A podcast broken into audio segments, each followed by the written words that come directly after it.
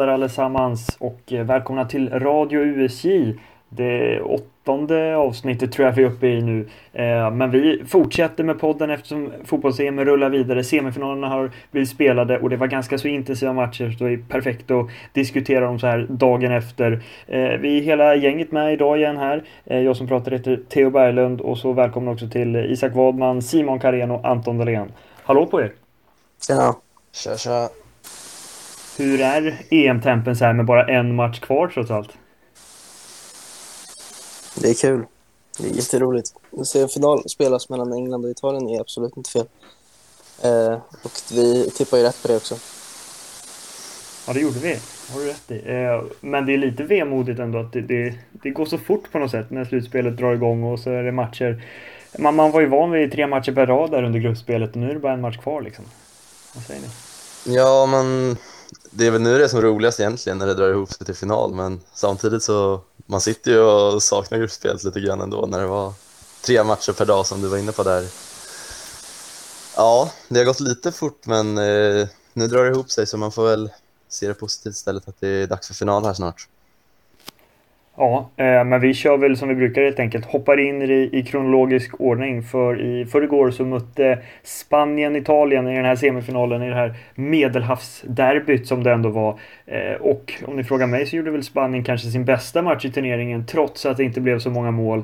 Eh, det var Italien som på en stark defensiv med, med Chiellini i spetsen kanske som eh, som gick vinnande ur det här. Eh, men vem vill ta taktpinnen här i podden då och dra oss igenom eh, Spanien-Italien? Vem börjar?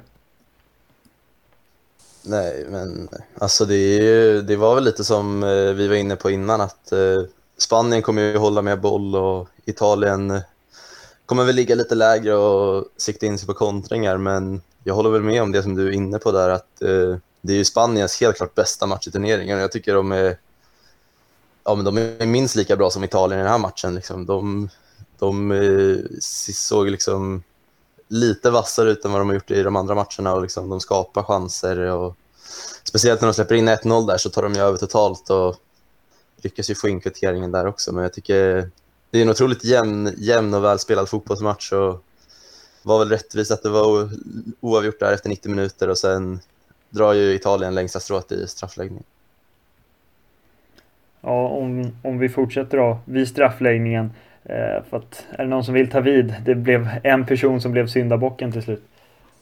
Jo, det var väl den personen också man helst inte ville se som en syndabock. Eh, han har ju stått ut med så jäkla mycket skit nu under hela turneringen, Morata, så det var ju väldigt tråkigt för honom att just han skulle vara den som missade straffen som åkte ut. Eh, men ja, det var ju konstig straffläggning också, liksom eh,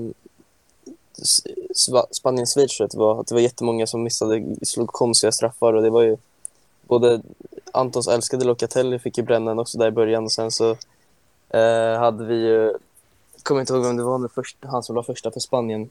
Eh, Olmo var det Ja, Olmo exakt, som sköt över också. Så att, eh, ja, det var ju kanske inte bästa straffläggningen i turneringen, men eh, det är såklart jättetråkigt för Morata att han bränner den. Man kan ju ja, ifrågasätta lite att han får gå fram och ta en straff. Alltså, ja, han gjorde ju mål där, men alltså, jag vet inte riktigt. Enrique skickade fram Morata där i det där läget. Det var liksom skrivet i sten att han skulle bränna den där straffen. Just i det läget liksom också att du får inte missa liksom, för då är det förmodligen kört. Eh, så det blir ju väldigt snöpligt, men som du sa, han, han gjorde ju målet i matchen och han har väl spelat upp sig lite i slutet av turneringen här.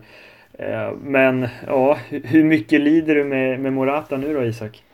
Ja, men det är synd om han såklart att eh, straffen ska vara så avgörande för att han gör ju ett väldigt snyggt mål där med Olmo och han som har ett väldigt fint kombinationsspel där. Och, ja, det, men jag tycker att, som Simon säger, så är en väldigt, eller jag tycker att det är en väldigt eh, liksom, dåligt genomförd straffläggning av Spanien eh, i allmänt. Så att, eh, ja, men det är synd om han. Han ska inte få behöva bli den syndabocken. Eh, det, det är tråkigt.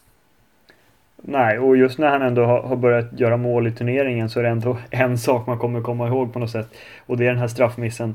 Eh, men vi vänder tillbaka till matchen då, där han då gjorde mål. För det är Spanien som vi varit inne på som håller boll. Det var inte så oväntat.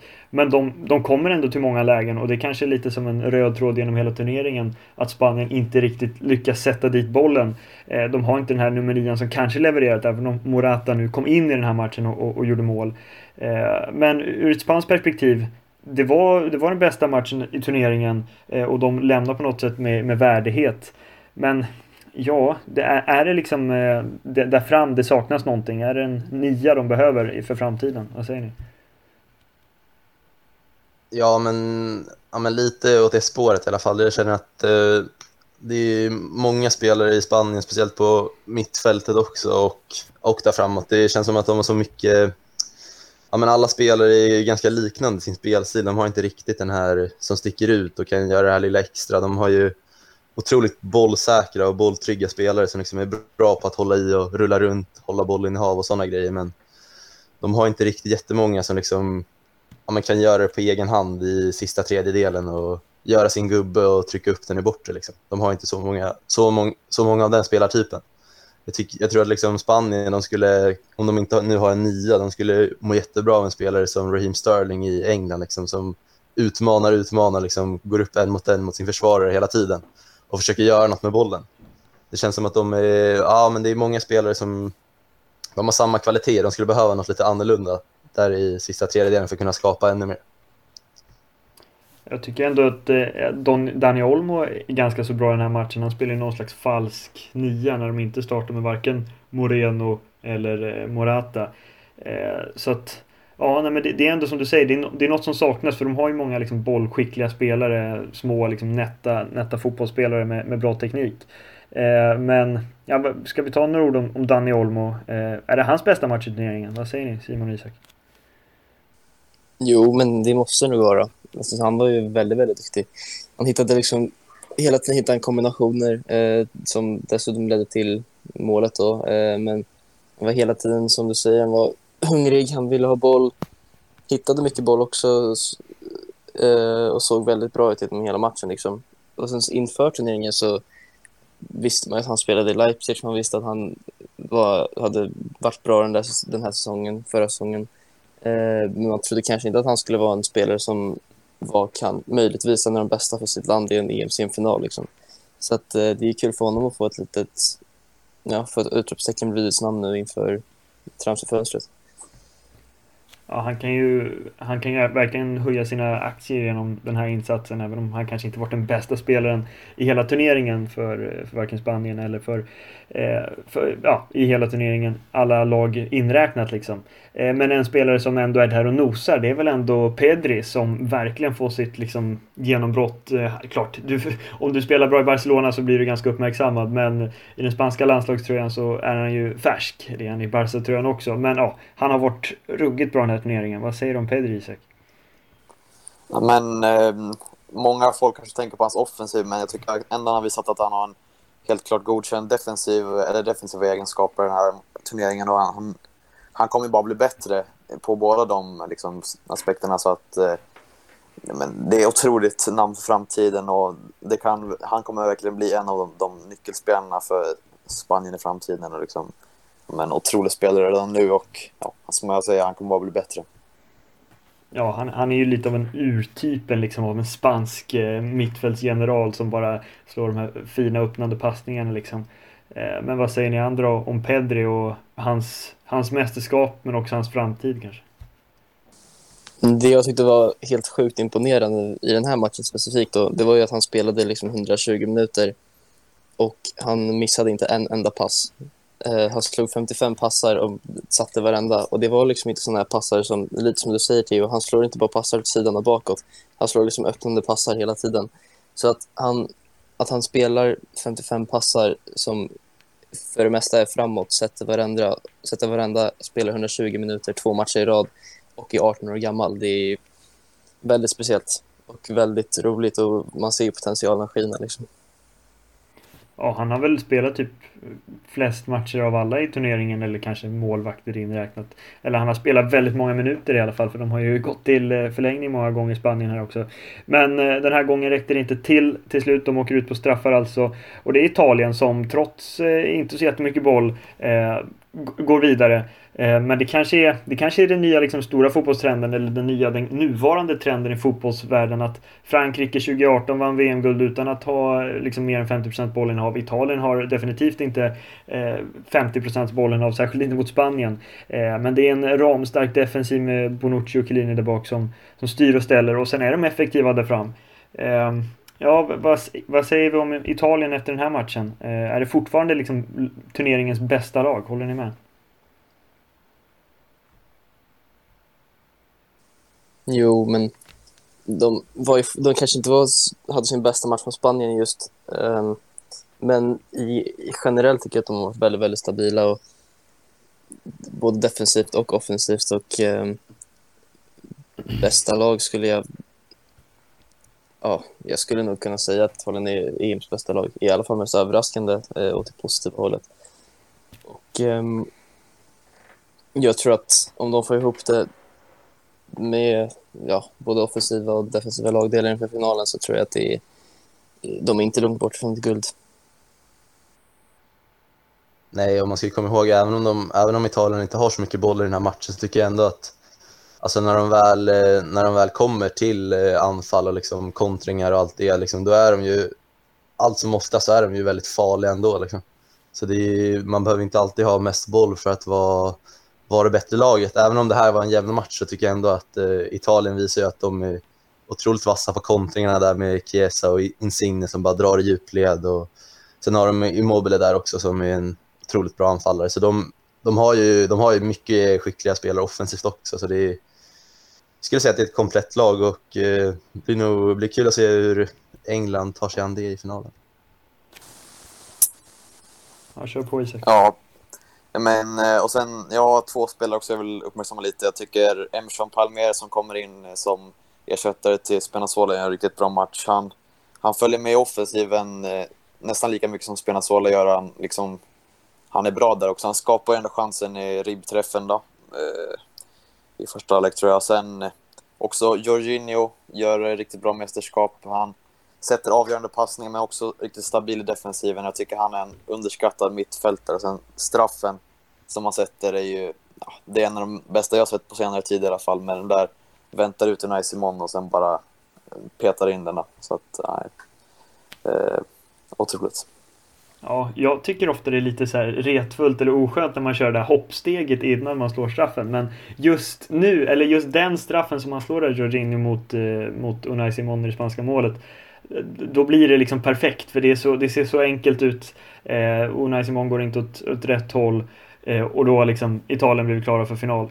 Eh, men vi måste ju också lyfta efter den här matchen, eh, som vi kanske borde gjort efter alla andra matcher också. Eh, Giorgio Chiellini som gör en bra insats igen, men han har ju mest blivit uppmärksammad för vissa andra grejer. Eh, om vi stannar vid situationen kring Jordi Alba där och vid, vid slantsinglingen inför straffläggningen. Är ni på den sidan att ni liksom fortfarande bara älskar Chiellini för att han är så skön? Eller tycker ni att det, han går lite över gränsen här och är lite för jobbig mot motståndarna inför en liksom så viktig straffläggning? Vem vill ta ordet? Alltså jag, jag tycker att det är skitkul och liksom jag har inte heller riktigt uppfattat vad, alltså vad det är han säger egentligen till Skövde Alva där, men det är ja, men någonting säger han i alla fall och jag tycker, bara, alltså jag tycker det är skitroligt. Liksom. Det, är, det är sådana där karaktärer man vill ha i fotbollen. Och, ja, men han, är inte, han har inte bara personligheten, han är en otroligt bra fotbollsspelare också. Han visar ju, även om han börjar bli till åren, att han håller än och bär ju tillsammans med Bonucci det här italienska försvaret på ett helt utmärkt sätt. Jag håller ni med? Eller tycker ni Chiellini är lite för... Alltså det är en super liksom, kram han kör på Alba där som är liksom kort spansk spelare. Så att det blir en superpsykning liksom. Eh, men det kanske, det kanske, eller ja, det gav ju utdelning till slut. Eh, men ja, vad säger ni om Chiellini? Ni andra? Ja men eh, själv så är jag inte så upprörd över det men jag, man ser på Alba att han inte riktigt eh, känner sig helt bekväm där men eh, jag tror att han är ju en, han är ju en skön kille liksom, men jag tror också att han, det är lite psykning också som ändå för sig går. Så att, eh, men jag gillar att, även om man psykar lite, för det, det, det, jag tycker att det är lite mindre folk som psykar i fotbollen än andra sporter. Så att eh, det är lite välkommet tycker jag i alla fall. Men eh, ja, en, en rolig situation i alla fall. Mer trash talk helt enkelt. Håller du med Simon?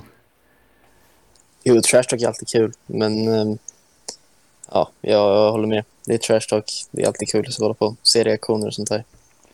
Ja, men eh, Giorgio Chiellini är verkligen en eh, karaktär. Han ler ju alltid känns det som. Eh, med det där eh, smilet liksom. Eh, hur som helst, eh, jag tänker vi kan försöka sätta Italiens elva då inför finalen. Den kanske blir lättare än när vi kommer göra det för England då, som också är i final då. men jag kollade upp här. Det, det är alltså från den, i den här matchen så är det fyra ändringar från den eh, elvan som de hade mot Turkiet om jag inte minns fel. För att eh, det är ju då båda ytterbackarna som ändras. Spinazzola blir skadad. Florenzi har väl blivit petad, eller var han också skadad i och för sig? Det kanske han var. Eh, vadskadad tror jag. Ja, exakt. Ja. Eh, och eh, så Locatelli ut istället för Verratti och det får du tycka vad du vill om Anton. Och sen eh, Chiesa in istället för eh, Berardi. Eh, är, tror ni att det är samma elva som mot Spanien som eh, Mancini ställer upp i finalen mot England? Ja, men det tror jag. Det, han kommer inte göra några förändringar nu. Liksom. Det var väl, var väl inga skador heller här mot Spanien, så då, då kommer han gå på samma elva. Jag skulle vilja in Locatelli såklart, men det, nej, nu kommer han köra med samma mittfält också. Så, så ja, jag tror att den är, den är ganska solklar, elvan. Håller ni med? Ja, men alltså England är ju ett väldigt offensivt lag och de gör ju väldigt mycket offensiva... Eller de går ju väldigt offensivt hela tiden och det är, om man ska tänka på det så de har ju ett väldigt alltså defensivt mittfält ifall man skulle slänga in Locatelli också. Eh, så jag tror att ifall man skulle göra det så tror jag att det absolut inte skulle såra dem på något sätt. Eh, men jag håller med Anton, jag tror att de kommer ställa upp med samma elva trots att det kanske är smartare om de har Locatelli på en mitt-mitt, eller defensiv mitt-mitt. Ja, jag tror också att de kommer antagligen starta samma.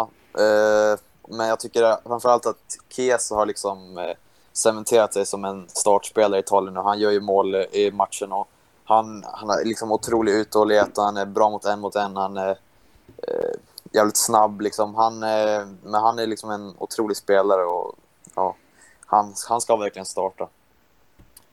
Mm, det, det, tror jag också och det tycker jag också. Eh, men Italien alltså vidare efter straffar. Eh, Spanien ute. Jag kan ju säga också att Spanien, enligt någon statistik här, har de i alla fall haft eh, mest boll. Det är inte så konstigt. Slått flest passningar också. De har också skapat flest lägen enligt ja, de fakta som jag hittat. Men ändå så är de oförmögna på ett sätt att, att sätta dit bollen. Även om de gjorde fem i förlängning mot Kroatien och fem mot Slovakien. De kanske skulle spridit ut sina mål lite mer och det hade varit EM-final för spanjorerna. Men så blir det inte. Spanien får åka hem. Italien är i final på Wembley och där får de då möta England som i den andra semifinalen igår då vann mot eh, Danmark. Och det blev också en, eh, en intensiv match. En hyfsat jämn match. Kanske inte i förlängningen till slut, jag vet inte. Eh, men det blev förlängningen då. Danmark står på sig bra och om vi tar det från början är väl är väl det bättre laget kanske första halvtimmen när de också får ett mål där efter eh, 30 minuter. Eh, ja, vad säger ni om, om Danmarks första halvtimme om vi ska börja där? Men Danmark spelade väldigt, väldigt bra som du säger och de fick utdelning till, eh, till slut med Damsgaard frispark där med en riktig jävla pärla. Eh, de skröd sig upp där i krysset. Men eh, ja, alltså innan det så såg de jättebra ut. De såg jävligt hungriga ut. Och man såg ju på dem att de ville spela en final.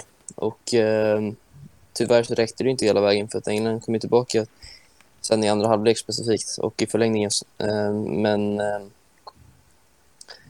ja, det var ju väldigt tråkigt med tanke på hur bra de spelade i början att de inte kunde hålla upp det. Och vad, vad säger ni andra om Danmarks hela match då kanske?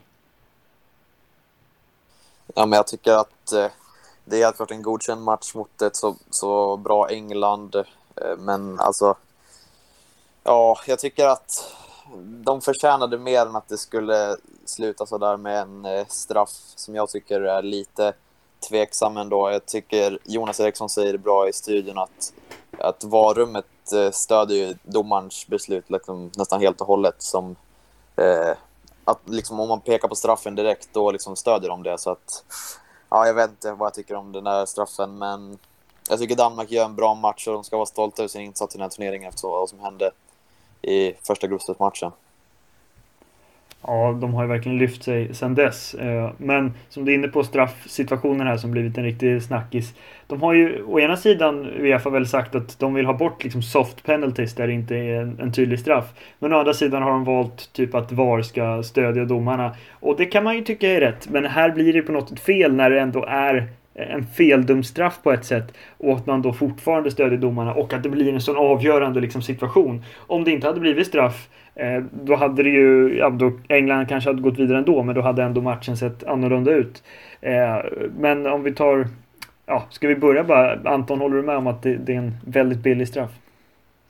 Alltså jag tycker inte det, jag tycker inte det är billig straff, jag tycker inte det är straff överhuvudtaget. Nej. Men Alltså det är ju kontakt och att Sterling går ner där, alltså alla anfallare i hela världen går ju ner i det läget när de känner kontakten i straffområdet. Men nej, jag tycker det är alldeles för lite för att blåsa straff i ett sånt här läge. Och, nej, jag kan inte förstå, vad, alltså det är ju sådana där lägen man har varit till också, att de ska kunna gå in och ändra det där beslutet eller i alla fall skicka ut domarna och ta en till titt på det. Så det är, ja, det är, alltså jag håller ju med om att det här att man ska stödja domarna, det, det ger ju en bättre det är bättre flyt i matcherna och jag tycker att det är bra ur ett tittarperspektiv också. För jag tycker, alltså i stora hela tycker jag VAR har fungerat eh, väldigt bra i EM. Alltså om man jämför med typ hur det ser ut i Premier League så tycker jag det har funkat otroligt mycket bättre. Men eh, det är, det är precis sådana där lägen där, i alla fall för mig så är det ganska uppenbart att domaren tar fel beslut. Och det är i sådana lägen VAR måste gå in och ändra på beslutet. Eller i alla fall försöka ändra på det. Ja, eh, och det är väl det VAR är till för liksom som du säger. Men eh, så blir det inte. Och ja, det, det, det, kommer på något sätt alltid bli domarsituationer även om man har VAR eller inte VAR. Och det är väl därför i någon slags helhetssammanfattning kring videogranskning liksom i fotbollen att jag tycker att ja, det kanske inte borde användas överhuvudtaget. Hur som helst, det blev straff. Eh, Harry Kane klev fram, missade straffen men ändå gjorde mål. Det kan inte vara jobbigare för Danmark att få en billig straff emot sig liksom. Och sen att Kasper Schmeichel räddar den men ändå släpper ut retur och Kane får, får göra det här målet.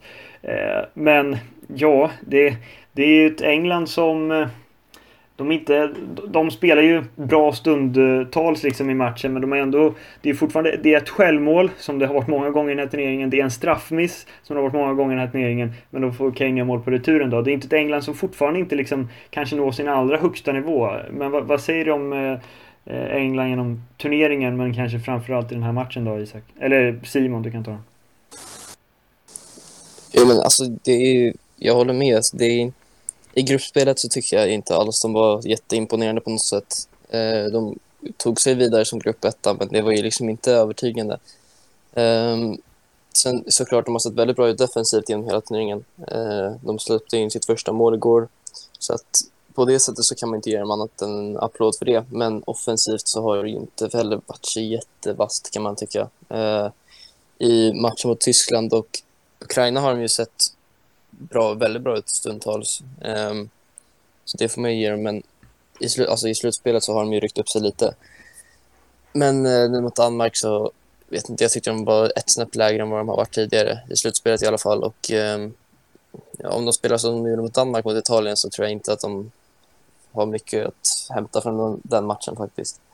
Så att uh, när de kommer fram till Wembley där så tror jag såklart att de kommer ha mycket mer adrenalin och mycket mer liksom, att de vilja att vinna hela turneringen för det, när de står där framför vad är det, 60 000 eng, engelsmän. Liksom. Så att eh, jag tror att eh, de måste höja sig ett snäpp i alla fall om de ska ha en chans att vinna den här finalen mot Italien. Ja, eh, det håller jag med om. Och eh, som du säger, publiken kommer också bli en faktor. Det var väl säkert en faktor i den här matchen. 60 000 på Wembley, det har vi inte eh, vant oss vid riktigt än kanske efter eh, året med, med pandemi liksom. Eh, men rent spelmässigt tänker jag också att Harry Kane ganska många gånger i matchen kliver ner lite djupare, hämtar boll, fördelar. Och när han lyckas med det, eh, då blir det ofta bra för England. Han har också gjort fyra mål hittills i turneringen utan att han varit strålande heller. Han har fått en hel del kritik, särskilt i inledningen där också. Eh, men Isak som Arsenal-supporter, vad säger du om Harry Kane och eh, hans turnering för England och kanske hans betydelse då i finalen mot Italien? Ja, men jag tycker han är ju en otrolig spelare som kan vara både den här eh, nummer nio på topp men också, som du säger, kan fördela spelet lite djupare och liksom låta, i det här fallet, i den här matchen, Bukayo Saka och Raheem Sterling komma fram och liksom eh, göra sin magi liksom. Och han, han, eh, han, han gjorde ju den liksom, positionen bra även den här säsongen också i Tottenham. Eh, många assist. Eh, han och Hung-min Son hade en riktigt bra säsong tillsammans. Men han... Nej, men jag tycker ändå han steppar upp till den här turneringen och eh, han gör ju ändå fyra mål så att eh, en godkänd turnering för han i alla fall. Ja, eh, men är det fortfarande Raheem Sterling tycker ni som är Englands bästa spelare? Ja, utan tvekan skulle jag säga. Jag tycker Raheem Sterling har varit helt otrolig i varenda match. Jag tycker han har varit helt otrolig. Uh, jag vet inte vad jag ska säga. Alltså, han har ju varit hur bra som helst. Jag tycker han har varit nivåer bättre än Kane. Men även om Kane nu har gjort fyra mål, men jag tycker att uh, Raheem Sterling är den som... Ja, men han gör ju nästan allting offensivt för England, tycker jag. I alla fall stundtals i matcherna. Visst, Harry Kane har ju sina, sina situationer också, men jag tycker Sterling liksom... Så, så fort han får bollen så försöker han hitta på något och då, allt som ofta så blir det någonting farligt ur det.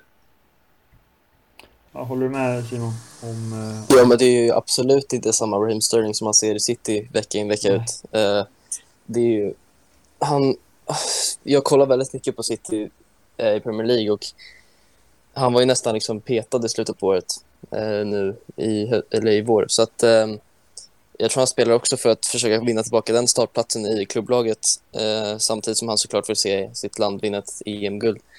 Eh, nej, men jag tycker han är helt otrolig också, den här mästerskapet. Han hittar ju löpningar konstant och han eh, vågar utmana en mot en och han eh, försöker hitta kombinationer och vinner straff som han gjorde igår. Och, ja, alltså det gör mål som igår också. Eller nej, det blev inte mål, det var ju självmål, men han hade förmodligen gjort mål om inte Kjär var där. Eh, ja, men han har väl också gjort fyra mål nu om man räknar med det målet då. Eh, så att han har ju varit målfarlig samtidigt. Så att det är ju, jag håller med om att han är utan tvekan Englands bästa spelare i det här mästerskapet. Mm. Och det för väl in oss då på kanske hur eh, Gareth Southgate ska starta i finalen, vilka elva spelare han ställer ut på banan. Eh, du var inne där på att det kanske skulle bli treback slash fembackslinje här Anton i semifinalen, så blev det ju inte. Eh, och det kanske betyder att det inte blir det mot Italien heller, eller vad säger du? Nej, det är, nu kör jag nog vidare på den här 4-2-3-1 som han har kört de senaste matcherna.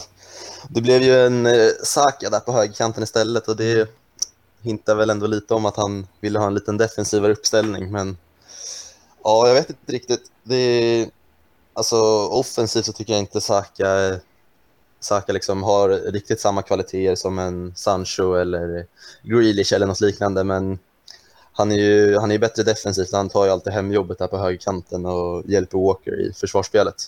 Men eh, ja, jag vet inte riktigt. Alltså, ni är inne lite på det att Kane droppar ner mycket och hämtar boll och liksom fördelar på mittfältet. Alltså, jag tycker att eh, alltså istället för att han ska göra det så tycker jag att man borde kunna plocka in en lite mer kreativ mittfältare. Jag var inne på det förut också, att spela med en av Rice och Phillips och typ få in en Henderson eller Bellingham på mittfältet. Det skulle jag ha gjort om jag var Southgate, men nej, jag tror väl att eh, det blir väl en liknande uppställning som det var nu mot Danmark. Det är väl den enda frågetecknet är väl typ högerkanten egentligen. Om Saka ska få starten igen eller om Sancho eller någon annan får komma in. Men ja, svårt att säga, men skulle inte bli förvånad om eh, Saka får starta igen eftersom främst på grund av att han är, är bättre i defensiven, som jag var inne på. Mm. Eh, men det har ju varit lite olika spelare som har startat. Det har varit Grealish i någon match, Foden i någon match, Sancho i någon match liksom. Eh, men Isak, du vill väl se Saka, eller? Jo, men det tycker jag. Anton nämnde han är ju en riktigt duktig defensiv spelare. Han har ju spelat vänsterback i antal matcher i Premier League den här säsongen. Så att, eh, men jag tycker också att han är en riktigt duktig spelare offensivt. Han har en otrolig snabbhet, han har en bra energi. Och liksom, han, han hittar finurliga grejer liksom, som man har sett också under säsongen. Han, han hittar eh, löpningar, han hittar chanser. Så att, och man säger det är han som gör inlägget till Englands 1-1 mål. Så att, ja, jag tycker han ska starta. Jag tycker han har gjort det bra, men också att han blir utbytt lite tidigt tycker jag i alla fall. Eh, man ser att han inte riktigt är nöjd med att han blir utbytt där och jag tycker han borde få spela lite mer än han gör. Ja, eh, men han lär då kanske starta finalen. Det är, det är i alla fall någonting det också. Eh, men Simon, håller du med om att eh, det förmodligen blir samma startelva som eh, den här matchen nu mot Danmark? Jo, men han hintar väl om det, att han, man vill ställa upp med samma lag i semifinal som i final. Mm. Men eh, alltså jag tycker personligen att det är ganska konstigt. Eller såklart de vill ha saker för defensiven. Men eh, ty- eller han har ju visat att han, han är inte rädd för att starta nya spelare heller. Som du var inne på. Foden har spelat någon match, Sancho har spelat någon match och Grealish likaså. Eh, så att det är så, såklart kan det ändras. Eh, jag tror inte några andra positioner däremot kommer ändras. Eh, så jag tror bara ifall någon ändring ska ske så är det nog den där högerkanten. Och eh, jag tycker ju att det är Grealish tur kanske att få den platsen. Eh, han är ju, när han väl har spelat så har han varit väldigt, väldigt duktig. Och han har skapat väldigt mycket och han har fått någon assist tror jag till och med. Så att, um, jo, om de vågar om de vågar släppa Kyle Walker själv på den kanten så tycker jag absolut att Grealish ska få chansen i final. Ja, eh, och det är intressant också för att i en final så är det ju förmodligen England som kommer hålla- mer boll än vad Italien gör. Eh, det är de som ska styra spelet liksom. Och är det då Saka man ska prioritera med, med starka defensiva egenskaper, inte för att han är dålig offensivt heller. Eh, men det, det finns en, liksom en avvägning att göra där. Vi har ju varit inne på det här också, men vad tycker ni? Ska det vara Saka? Ska det vara Grealish? Vad säger ni om ni ger lite korta svar? Ja, jag tycker ju Grealish eller Sancho ska det vara, tycker jag. Ja, jag tycker att... Jag tycker Saka eller Grealish. Och då tycker jag start, att man startar Grealish på vänsterkanten i så fall. Flytta över Sterling till höger. Men ja, Saka eller Grealish. Ja, jag tycker nog Grealish... Eh, eller, ja, Rashford har inte startat än heller, så att han lär inte få göra det nu. Men eh, nej, jag säger Grealish. Ja, jag vågar inte gå emot det här kanske. Nej, men det, det hade varit roligt att se Grealish eh, i en final. Han lär ju komma in om inte annat. Eh, men där har vi England då, eh, redo för final. Men vi kan väl ta några avslutande ord om Danmark också som står för en, en väldigt märklig ändå EM-resa på något sätt. Det har varit en hel del kritik mot att de kanske har... Ja, de har ju spelat sex matcher totalt. De har vunnit hälften. De har förlorat hälften. Och de förlorar mot de bästa lagen i Belgien och England. Och de vinner mot, eh, mot Ryssland, mot Tjeckien och mot eh, Wales där i åttondelsfinalen. Eh, det går ju att rikta kritik mot att nej, det kanske inte är den svåraste vägen de har tagit sig fram till den här semifinalen. Men det är fortfarande en riktigt stark liksom, insats efter det som hände med Christian Eriksen och allting. Eh, men ja, vilken EM-resa de fick ändå, Danmark. Eh, vad säger du Isak om dem? Nej, men jag tycker att eh, det är starkt av dem att komma tillbaka så pass bra som de gör efter Eriksen-incidenten. Och det är lite flit kanske att man tar sig vidare med tre poäng, men jag tycker ändå om mot, i Finland-matchen, om inte Eriksen skulle, liksom, om det inte skulle ha hänt så skulle de nog antagligen vunnit. Så att då kanske de skulle haft liksom, sex poäng i gruppspelet och då skulle det varit en annan sak. Liksom. Men det är en eh, bra genomförd turnering och eh, jag tycker att de har en väldigt ljus framtid. De har ju Jonas Wind, eh, de har Christensen i Chelsea, de har Dolbe, de har Joakim Andersen och eh, Mäler framförallt. Så att det är en ljus framtid och det kommer bara bli bättre tror jag. Glöm inte Damsgaard heller som gör, gör målet. Nej, jo, ja, absolut. Ja. Nej, det, det är på ett sätt lite tråkigt tycker jag att Danmark har så fina liksom, framtidsnamn här. Eh, men ja, man kan väl undra om den här framgången just efter vad som hände med, med Christian Eriksen. Eh, för det blir det blir ett väldigt bra EM till slut för Danmark. Va, vad säger ni andra om våra grannar? Ja, alltså man... eh, Alltså de ska väl alltid... Självklart ska de vara nöjda och nått en semifinal, men sen... Det är som vi varit inne på, de har inte haft den svåraste vägen och de har ju, som du var inne på Theo, de har ju förlorat mot de bra lagen om man säger så. Så de har inte... De har egentligen inte gjort något mirakulöst eh, sett om man ser till de enskilda matcherna. För det är ju ändå vinsterna de har tagit är mot lag som de typ ska vinna över egentligen.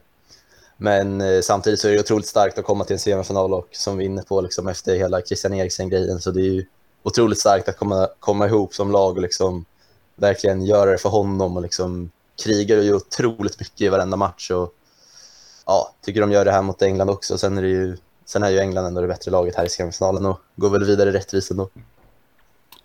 Ja, och eh, finalen väntar alltså på söndag eh, där eh, det blir England och Italien. Det är inte en så dum final, det är inte Simon.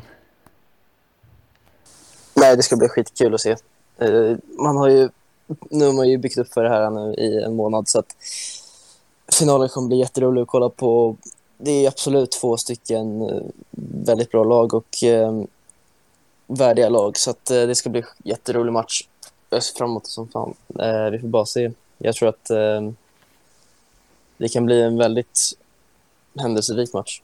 Tror jag. Mycket kontringar och mycket, mycket djupledslöpningar och mycket målchanser. Så det blir en rolig match. Mm, och det blir förmodligen en ganska tight match ändå. För att, visst, Italien kanske imponerar lite mer, men du har England på Wembley liksom. Eh, med en match, 90 minuter från ett historiskt EM-guld liksom. Eh, vad tror ni andra om matchbilden på söndag?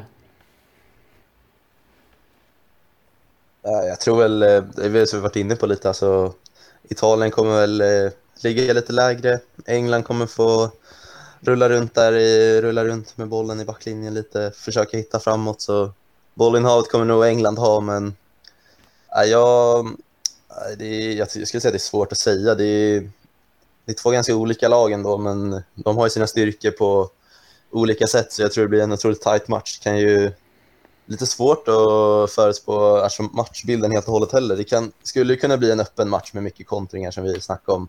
Det skulle också kunna bli en helt igenknäppt eh, 0-0-historia. Det skulle, jag skulle inte förvåna mig heller om det är 0-0 efter 90 minuter. Så det, ja, men det ska bli kul att se hur lagen tar sig an matchen. Det blir, jämnt, det blir nog jämnt hur som helst i alla fall. Ja, jag tror som Anton, eller som han säger, att det kan bli riktigt eh, målfattigt här. Att både, eller båda lagen inte riktigt vill liksom riskera något här. Men jag tror ändå att Italien kan nog luckra upp engelsmännen lite. Du har Jorginhos passningar som man sett under turneringen. Som jag nämnde innan. Du har Insigne som kan utmana väldigt bra en mot en och sen Chiesa också kan komma upp där med något eh, läge. Så att, mm, ja. Och sen England har ju också otroliga spelare i anfallet. Så att, nej men, ja, det är väldigt svårt att tippa den här matchen.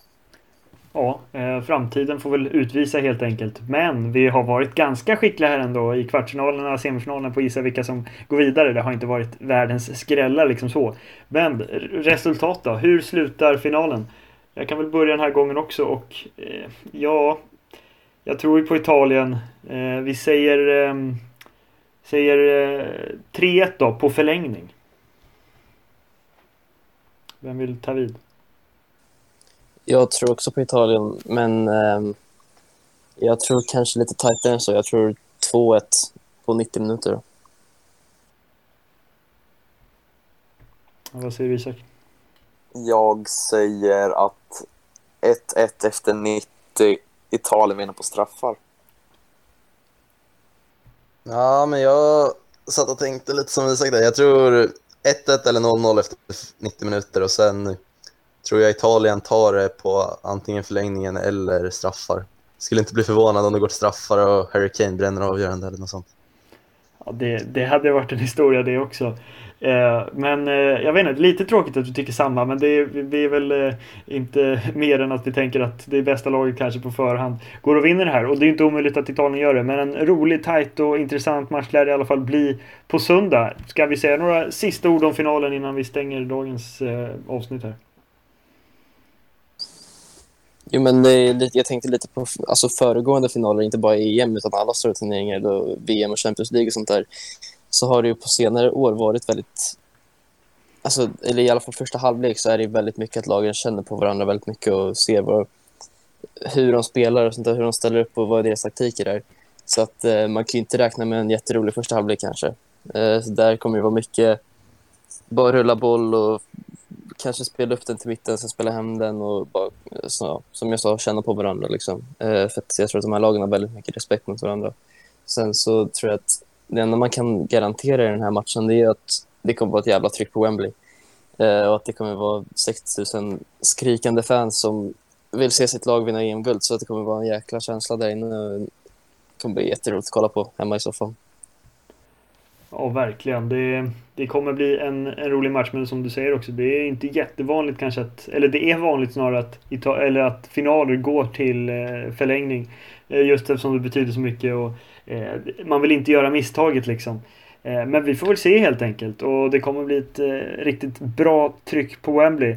Eh, men helt enkelt så var väl det här det, det vi hade att bjuda på idag i, i podden och sen får vi väl återkomma då efter finalen med förmodligen ett riktigt fint avsnitt. Det hoppas vi på, eller hur? Så är det. Ja, Exakt. Eh, vi får se hur det blir då mer, mer specifikt och sen så får vi tacka alla som lyssnat och tack också eh, Isak Wadman, Simon Karén och Anton Dahlén för att eh, ni var med här idag. Tack själv. tack, tack. Tackar. Tack så mycket och på återhörande helt enkelt. Ha det bra. Hej då! Hej då. Hej.